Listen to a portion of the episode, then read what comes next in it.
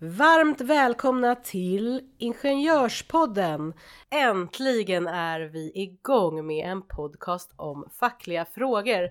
Jag heter Jenny Rosenbaum och jobbar här på Sveriges Ingenjörer som ombudsman och med mig har jag min bästa poddpartner Rickard Levin, också ombudsman på Sveriges Ingenjörer. och han är lika glad som jag men han har ett annat tonläge. Ni kommer få lära känna honom på vägen och även mig.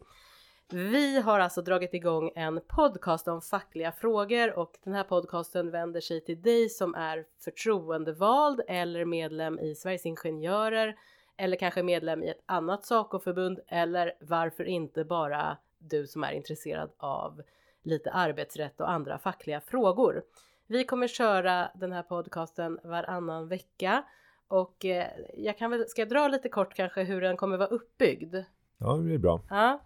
Eh, vi tänker att den kommer vara uppbyggd av frågor från dig som lyssnar och så kommer vi försöka göra ett avsnitt av det här och svara så bra som möjligt. Och de här eh, frågorna, de kan ni skicka in till oss på vår hemsida och Rickard, vår lätta hemsida, hjälp mig.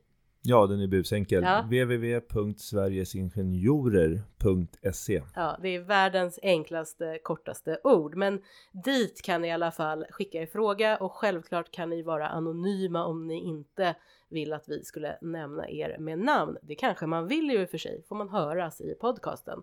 Men om ni inte vill det, då kan ni vara anonyma. Vi kommer även ha ett fackligt ord med i varje avsnitt som kommer förhoppningsvis knyta an till frågan så att vi kommer ha en hel, hel facklig ordlista tänker vi i slutet av våran poddkarriär. Ja, Rickard, vad, vad, vart ska vi börja höll jag på att säga? Ska vi prata lite om kanske Sveriges Ingenjörer som förbund? Ja, vi kan väl väldigt kortfattat presentera vilka vi är och de som lyssnar på, på den här podcasten vet ju säkert redan det för de allra flesta kommer vara medlemmar och förtroendevalda. Nej, det här blir hur stort som helst. Ja, Ja, du har rätt. Ja. Eh, Sveriges Ingenjörer är ett fackförbund eh, som arbetar för sina medlemmar med fackliga frågor. Men vi arbe- arbetar också med rena ingenjörsfrågor, alltså själva yrkes och utbildningsrelaterade frågor. Eh, vi är ungefär 150 000 medlemmar och tror jag cirka 150 anställda på våra tre kontor i Stockholm, Göteborg och Malmö. Det är så eh, jag kommer ihåg det. Jag är, inte, jag är ju jurist eh, till bakgrunden, nu vet ni det och då är man ju inte jättebra eh, på matematik så att jag, jag brukar också tänka 150 och sen 150 000 så att jag kan komma ihåg dessa svåra tal. Ja, men så är det. Ja.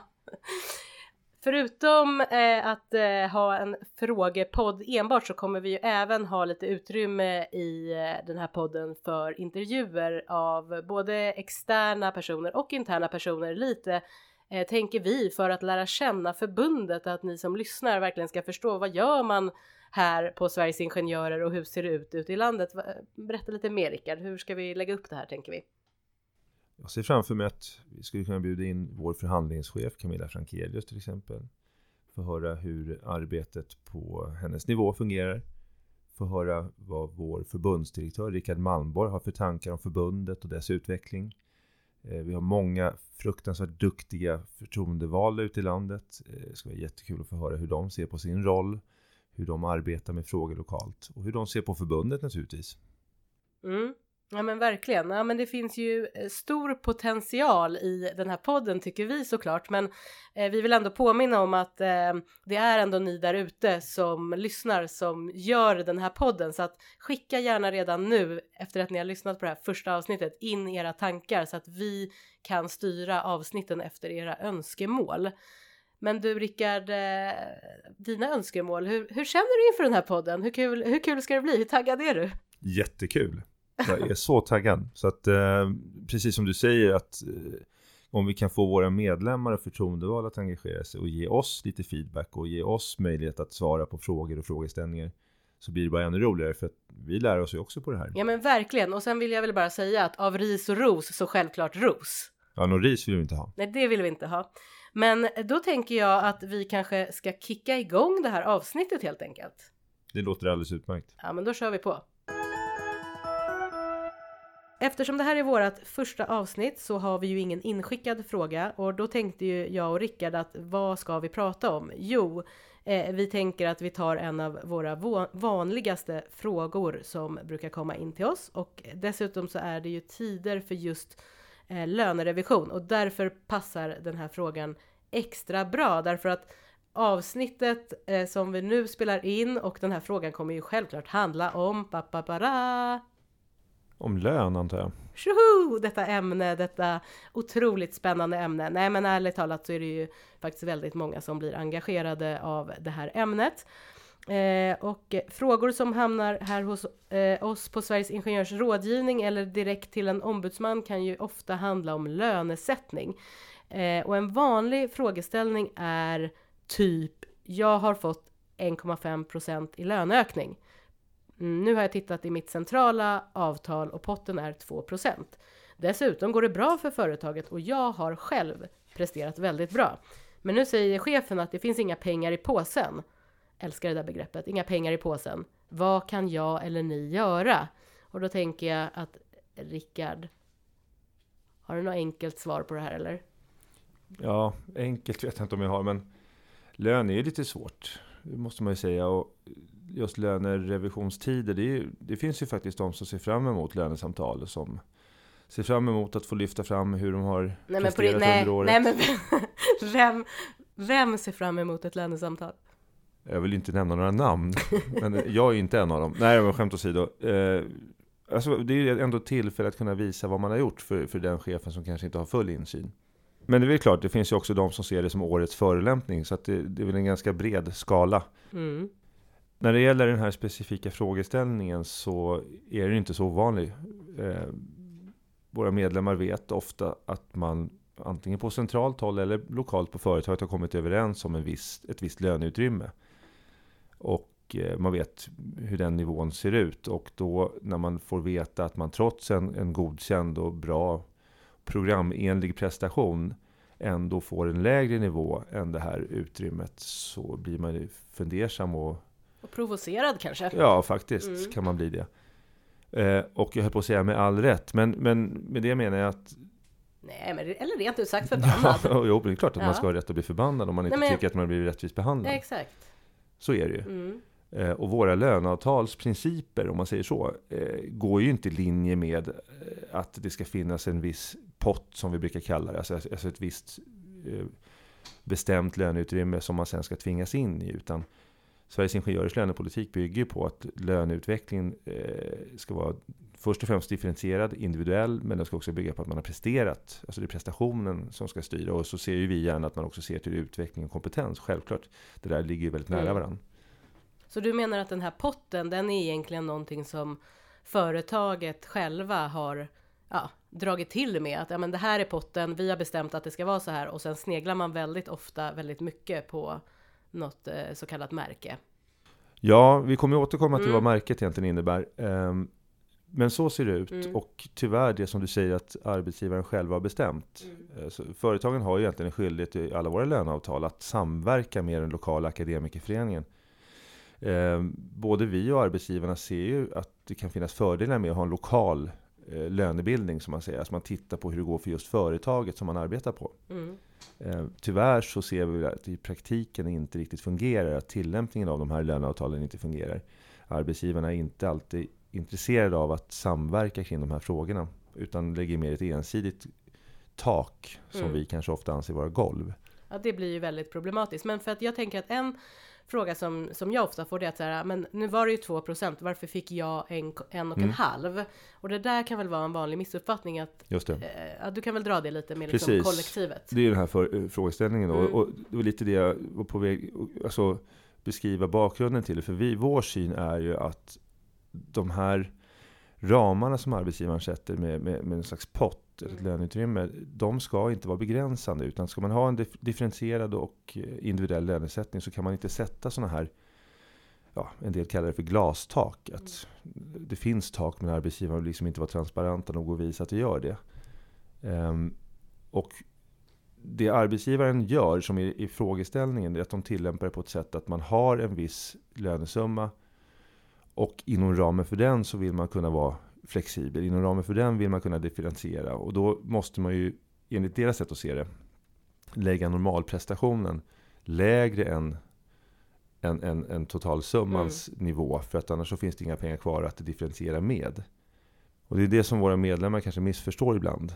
Eh, fullt förklarligt. Därför att arbetsgivarens sätt att hantera den delen av lönebildningen, det, det, det är ju ur vårt perspektiv inte korrekt. Det, det, leder inte till den differentiering och individualisering av lönebildningen som vi anser att det ska vara. Men det blir ju väldigt svårt att förstå eh, om man då säger att det ska vara differentierat och sen så får alla ungefär 2 procent. Det blir ju inte så differentierat då, kan man ju tycka. Nej, det blir ju inte det. Och arbetsgivarna tycker jag kanske generellt behöver fundera lite på vad lön egentligen är. Mm. Eh, alltså, ja, lön är pengar och pengar i handen men också leder också till pensionsavsättningar och liknande. Men det är också ett betygssystem. Det är signaler från en arbetsgivare till den eh, anställde, till vår medlem om eh, hur man anser att vår medlem bidrar till företagets verksamhet och utveckling av verksamheten. Och vill man ha motiverade medarbetare då måste man ha en rättvis och transparent lönebildning. Och det tror jag att eh, vi kanske inte riktigt har idag fullt ut. Hur motiverad är du? Jag personligen? Ja. Jag är alltid oerhört motiverad. Du måste komma ihåg att min chef lyssnar på det här. Jag menar det. Nej, men eh, som eh, ni kära lyssnare förstår så finns det ju så mycket såklart som man kan prata om lön och vi kommer ju återkomma till det här för det här är ju ett av eh, jag kanske inte ska säga hetaste ämnena, men, men det är ju det ämnet som, som eh, både våra förtroendevalda och medlemmar går igång på mest. Absolut, och våra förtroendevalda i akademikerföreningarna där ute, de gör ett jättejobb mm. i de här frågorna. De godtar ju inte att arbetsgivarna hanterar eh, lönebildning på det här sättet, utan de, de, de ifrågasätter ju om arbetsgivarna egentligen följer de principer mm. som finns i våra löneavtal. Och vi har ju mängder med lönekonsultationer och, och centrala förhandlingar kring de här frågorna. Så att akademikerföreningarna gör ett jätte, jättejobb. Och i slutändan är det väl ändå det som inte då ska behövas, de här exempelvis lönekonsultationerna. För det ska väl i en av de bästa världarna liksom bara vara så. Ja, precis. Mm. Lönekonsultationer måste vi ta till när, ja, när saker och ting inte riktigt fungerar. Så att allra helst behöver vi inte använda dem. Mm. Men du, eh, jag tänker att nu så har vi ju sagt också att vi ska ha lite facklig utbildning i form av att vi ska ha ett ord som knyter an till frågan och då tänker jag att det kan ju inte finnas ett bättre ord än märket som vi pratade om också i frågan. Kan inte du lite, vad betyder det här märket egentligen? För att jag tror att man pratar ju om eh, industrin sätter märket och, och det är ett sånt där, eh, många svänger sig med den terminologin, men vad betyder det egentligen? Märket hör man ju ofta talas om i samband med avtalsrörelser och då är det industrins parter som kommer överens om eh, vilken nivå Sverige ska klara av under de närmaste åren utifrån inflation och en mängd andra variabler. Och man brukar säga att det är industrins normerande märke eh, utifrån att det är industri, exportindustrin som är konkurrensutsatt. Att eh, vi hela tiden måste mäta oss med omvärlden. Eh, industriavtalet kom till 1997 efter många, många år med, med höga löneökningstal men däremot eh, väldigt låga reallöneökningar. Vi hade också väldigt hög inflation. Men sen 1997 så har vi haft låg inflation och reallöneökningar eh, varje år. Så det har ju varit ett lyckat avtal och en lyckad eh, process sedan dess. Men då kan man väl säga att märket, det är tänker jag, någon miniminivå för vad Sveriges ekonomi ändå klarar av och det hindrar inte företagen att sätta en högre procentsats som man säger i sin egen lönerevision. Stämmer det? Våra löneavtal är utformade på det sättet att det ska vara en lönebildning som sker på lokal nivå. Då mm. handlar det om vad man kommer överens om. Just det. Så går det väldigt bra för företaget så borde ju naturligtvis rent logiskt löneutrymmet bli större. Mm. Och det här eh, får mig att tänka på eh, några akademikerföreningar av våra då stora industriföretag som har gått ihop och bildat ett upprop och hashtaggen är, den är så bra, Show us the money. Och det eh, betyder ju precis det här som vi har pratat om. Om det är så att ett företag går bra, vilket faktiskt många industriföretag gör idag, då ska det även kunna synas i plånkan. Därför att eh, varför ska inte även de som arbetar på det här företaget kunna få ta del av den här vinsten på något sätt? Att då kanske inte företaget ska luta sig tillbaka och då bara hänvisa till just det här eh, märket som vi har pratat om eh, tidigare. Våran eh, förhandlingschef Camilla Frankelius har även gått ut medialt med just det här uppropet Show us the money. Glöm det aldrig ni som lyssnar där ute. Vi hoppas att det här får stark genomkraft såklart. Du Rickard, eh, hur kändes det första poddavsnittet? Lite ovant, men man vänjer sig kanske. Ja, jag tycker det känns urhärligt. Det här kommer bli bra. Jag hoppas att ni som har lyssnat även kommer vilja lyssna nästa gång och följa med oss på den här underbara fackliga resan som vi tänker att vi ska ha tillsammans. Så att jag säger vi hörs om två veckor. Hej hej! Hej då!